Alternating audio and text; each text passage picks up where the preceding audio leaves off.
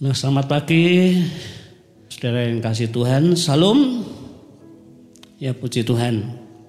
Ya kita patut bersyukur pada kesempatan ini kita tetap selalu ada untuk selalu berdoa untuk bangsa dan negara yang saat ini perlu dukungan bagi kita sebagai anak-anak Tuhan karena bangsa kita Demikian juga dunia yang saat ini dilanda virus corona dampaknya itu banyak perkara yang sungguh membuat ya orang menjadi susah yang menjadi suatu pergumulan. Untuk itu biar kiranya kita menjadi orang-orang yang mau dipakai Tuhan. Ya kita akan naikkan doa nanti kita akan alasi dulu kita akan merenungkan firman Tuhan kita akan baca di dalam Injil Lukas pasal 19 yang tidak asing lagi bagi kita ya dalam perikop ayat 1 sampai dengan ayat 10 ini kita akan baca pada ayat yang terakhir di dalam ayat yang ke-10 Injil Lukas pasal 9 ayat 19 ayat 10 demikian firman Tuhan akan saya bacakan Sebab anak manusia datang untuk mencari dan menyelamatkan yang hilang. Saudara yang dikasih Tuhan, kedatangan Kristus ke dunia sering kita peringati baik kelahirannya, baik kematiannya dan juga baik kebangkitannya itu memang sudah dijanjikan oleh Tuhan sebelumnya. Yaitu ketika manusia yang pertama itu jatuh dalam dosa. Ya tujuannya dari kedatangannya adalah untuk mencari dan menyelamatkan yang hilang. Nah di dalam firman Tuhan ini yang kita baca ini siapakah yang dimaksud orang yang hilang itu? Nah di dalam firman Tuhan yang kita baca dalam perikop ya mulai ya tentang Sakyus ini menunjuk kepada seorang yang bernama Sakyus dikatakan kepala pemungut cukai dan ia seorang yang kaya. Nah Bapak Ibu yang kasih dalam Tuhan di Israel ketika seseorang itu dikenal sebagai pemungut cukai itu dianggap sama seperti orang-orang berdosa lainnya. Entah itu pencuri, ya, ampok, atau orang berzina. Ya jadi ketika dikenal seseorang sebagai pemungut cukai dianggap sama seperti orang-orang berdosa lainnya. Nah Bapak Ibu dan saudara yang kasih Tuhan dengan jabatan dan kekayaan yang diperoleh Sakius itu didapatkan pada masa krisis di Israel. Karena di Israel saat itu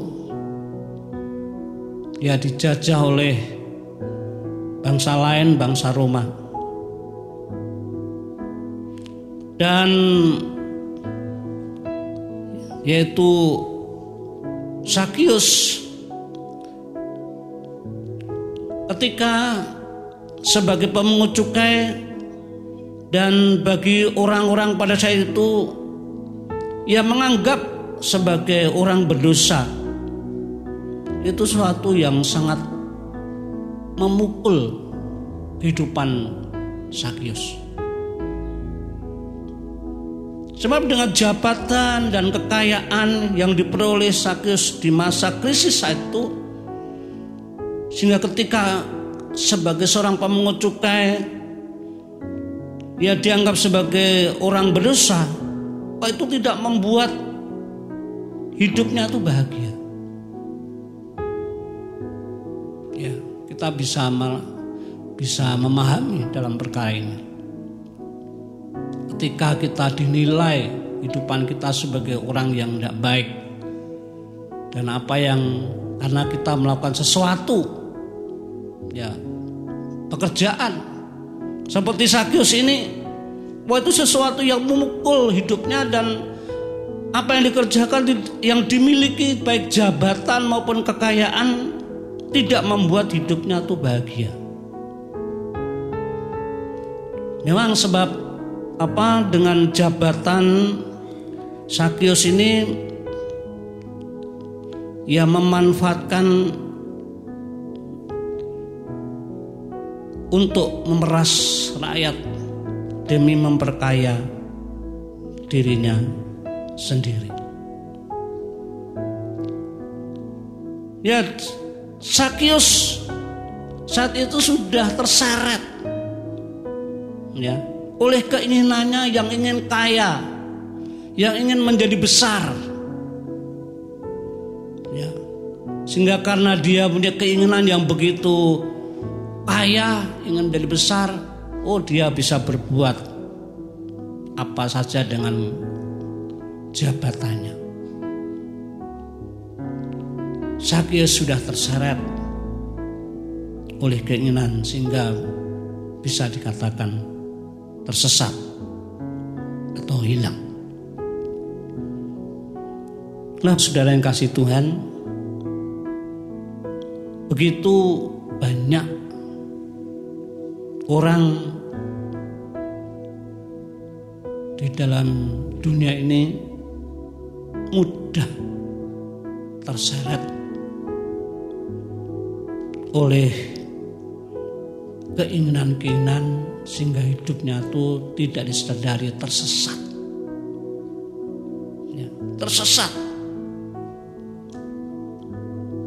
Seperti dikatakan di dalam surat Yakobus Ya kita akan baca di dalam Yakobus Suasa 1 ayat 14. Yakobus pasal 1 ayat 14 sampai juga 15 dua ayat. Yakobus pasal 1 ayat 14 dan 15 demikian firman Tuhan akan saya bacakan. Tetapi tiap-tiap orang dicobai oleh keinginannya sendiri karena ia terseret dan dipikat olehnya. Dan apabila keinginan itu telah dibuai, ia melahirkan dosa. Dan apabila dosa itu sudah matang, ia melahirkan maut. Ya. Siapa orang yang tidak pernah berdosa. Semua sudah jatuh dalam dosa. Dari setiap orang sudah pernah terseret dalam keinginan-keinginan yang akhirnya jatuh di dalam dosa. Ya. Kita perlu menyadari dalam kehidupan ini bahwa kita adalah orang-orang yang pernah terseret dengan keinginan-keinginan sehingga kita ini tersesat kita ini yaitu hilang kita ini menjadi orang yang berdosa. Karena memang apalagi memang sifat manusia bahkan kita juga sebagai keturunan Adam dan Hawa mewarisi dosa. Dari sifat-sifat mengejar keinginan, mengejar kepuasan dunia itu sangat tinggi. Dan kita sadari kita sudah pernah terseret di dalamnya. Kedatangan Kristus di dunia, khususnya di Israel, itu membawa kabar yang baik. Membawa berita yang baik yang menyukacitakan yang membuat saat itu banyak orang punya harapan. Bagaimana kedatangannya ketika dia berkhotbah di bukit. Bagaimana ketika mujizat-mujizat ada saat itu.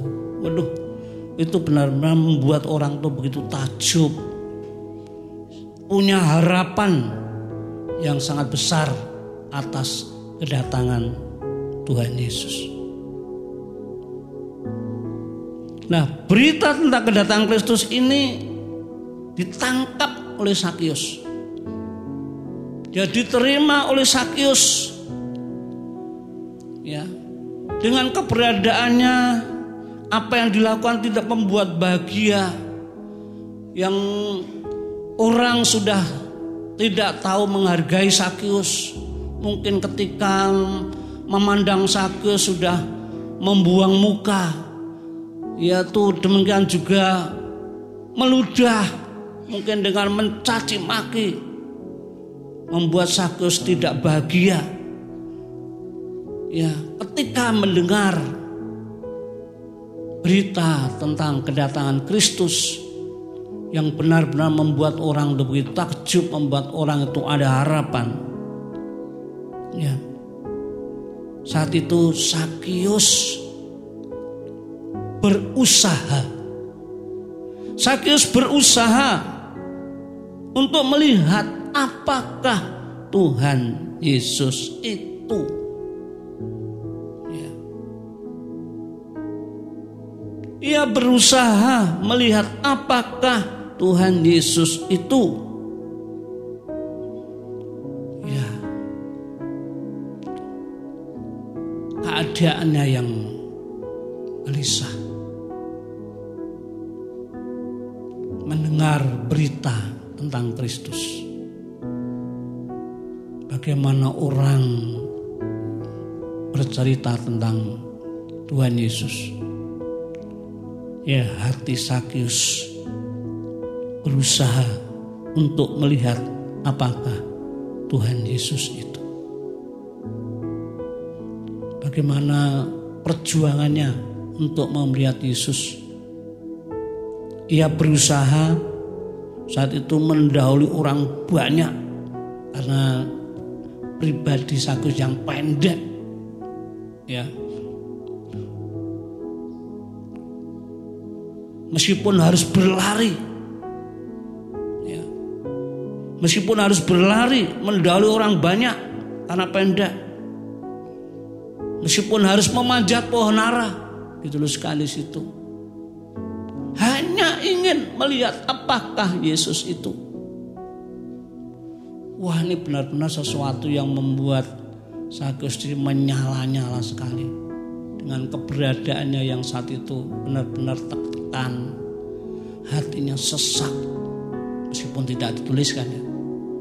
Tapi itu pasti dirasakan. dia bagaimana berusaha untuk melihat Tuhan Yesus apakah Tuhan Yesus itu walaupun harus berlari walaupun harus memanjat pohon ara keadaan Sakyus yang sedemikian inilah. Kehidupan Sakyus yang sedemikian inilah. Tuhan itu tahu. Tuhan tuh tahu bahwa di Yeriko ada orang yang perlu ditolong. Kedatangannya di Israel ke kota Yeriko, melintasi kota Yeriko itu tidak hanya sekedar jalan, tapi memang di situ ada orang yang perlu diselamatkan. Ada orang yang perlu diselamatkan, yaitu Sakyus.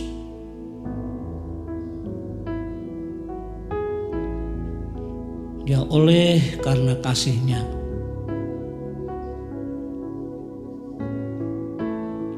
Sakyus saat itu mengalami perjumpaan dengan Tuhan. Ketika sampai di jalan di tempat di mana saat itu Sakyus memanjat pohon ara, Tuhan Yesus tahu. Dan dikatakan firman Tuhan, Hei Sakyus, turunlah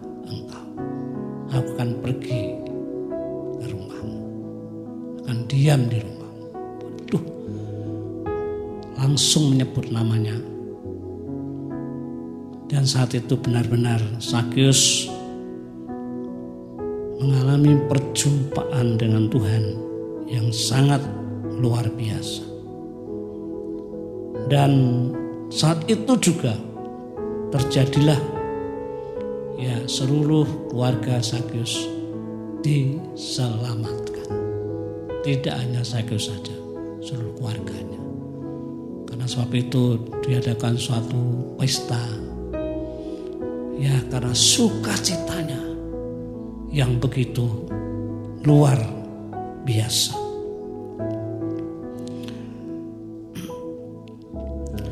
Virus corona yang melanda dunia dan Indonesia berdampak banyak hal yang menyebabkan krisis baik ketika perusahaan-perusahaan ya berhenti harus memehak PHK karyawannya yang dirumahkan dan bidang-bidang yang lain yang harus ya berhenti. Wah dampaknya begitu luas.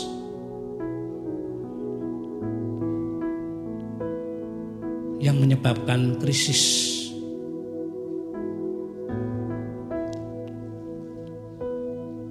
bagaimana orang untuk mendapatkan rezeki untuk kebutuhan hidup sehari-hari begitu sulit.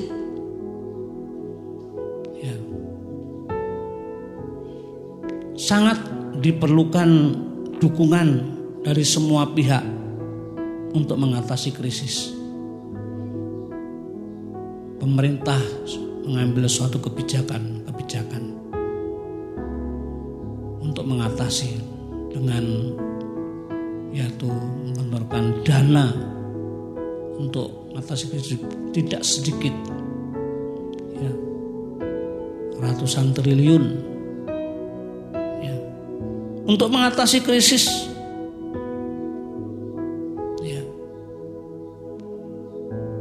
dan juga dihimbau siapa yang mau peduli semua pihak bisa peduli untuk mengatasi krisis.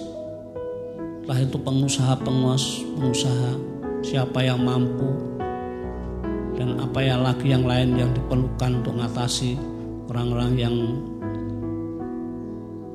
terdampak oleh virus corona, harus sakit, dan lain-lain. Dan di bidang kesehatan, ya banyak hal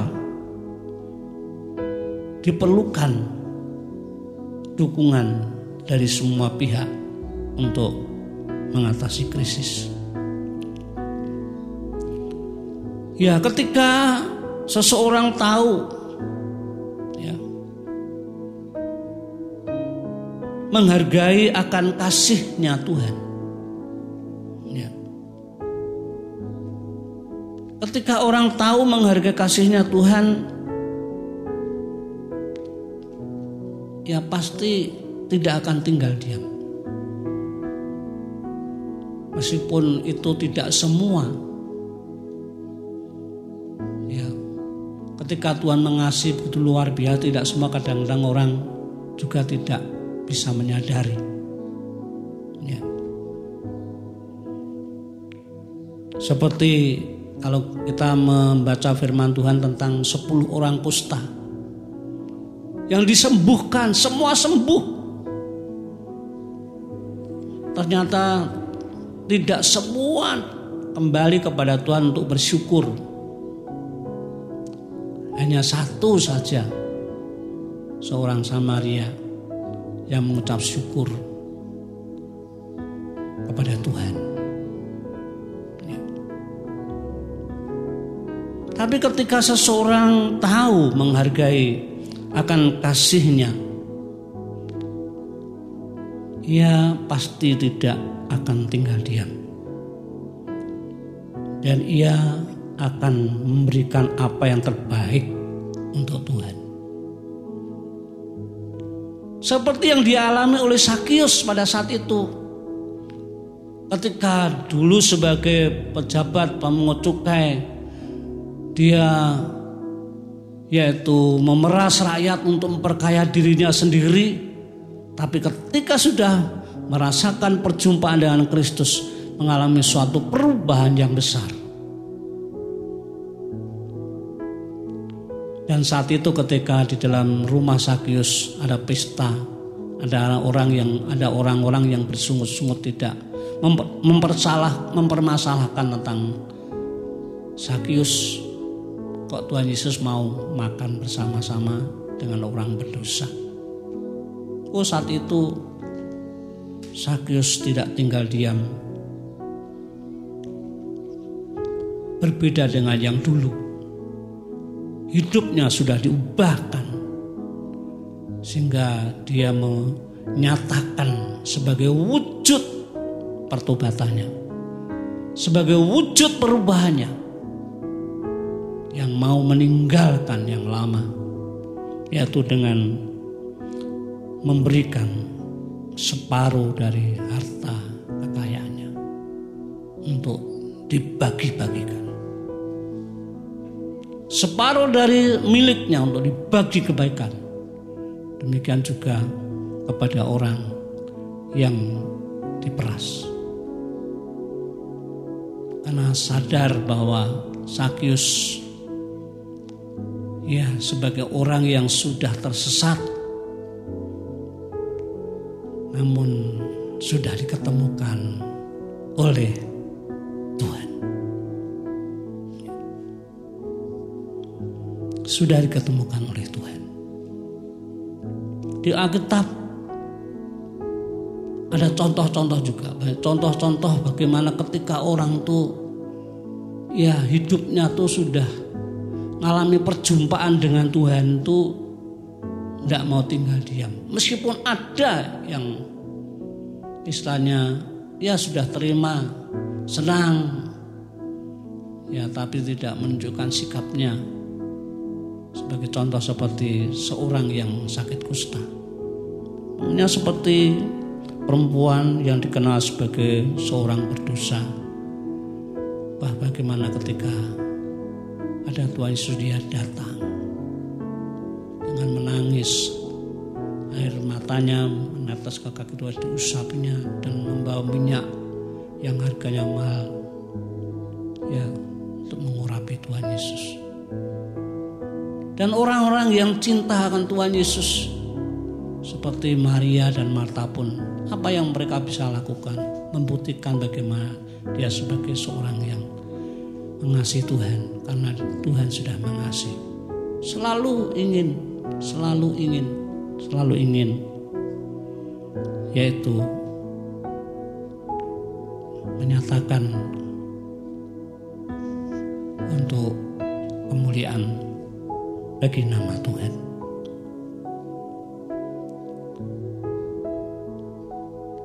Orang yang senantiasa tahu akan kasih Tuhan digambarkan yaitu sesuatu pohon yang di tepi ditanam di tepi air yang mengeluarkan buah pada musimnya. Seperti yang ditulis oleh yaitu di dalam kitab Yeremia pasal 17 ayat 7 dan 8 ya kita akan membaca firman Tuhan ini dalam Yeremia 17 sebagai ayat penutup ayat 7 dan 8 orang yang yaitu menyadari akan kasihnya Tuhan. Yeremia pasal 17 ayat 7 dan 8. Demikian firman Tuhan. Diberkatilah orang yang mengandalkan Tuhan, yang menaruh harapannya pada Tuhan. Ia akan seperti pohon yang ditanam di tepi air yang merambatkan akar-akarnya ke tepi batang air dan yang tidak mengalami datangnya panas terik yang daunnya tetap hijau yang tidak khawatir dalam tahun kering dan yang tidak berhenti menghasilkan buah. Ya. Jadi inilah gambaran bagaimana ketika orang sudah menerima dan merasakan perjumpaan dengan Tuhan. Ya, mengeluarkan buah pada musimnya.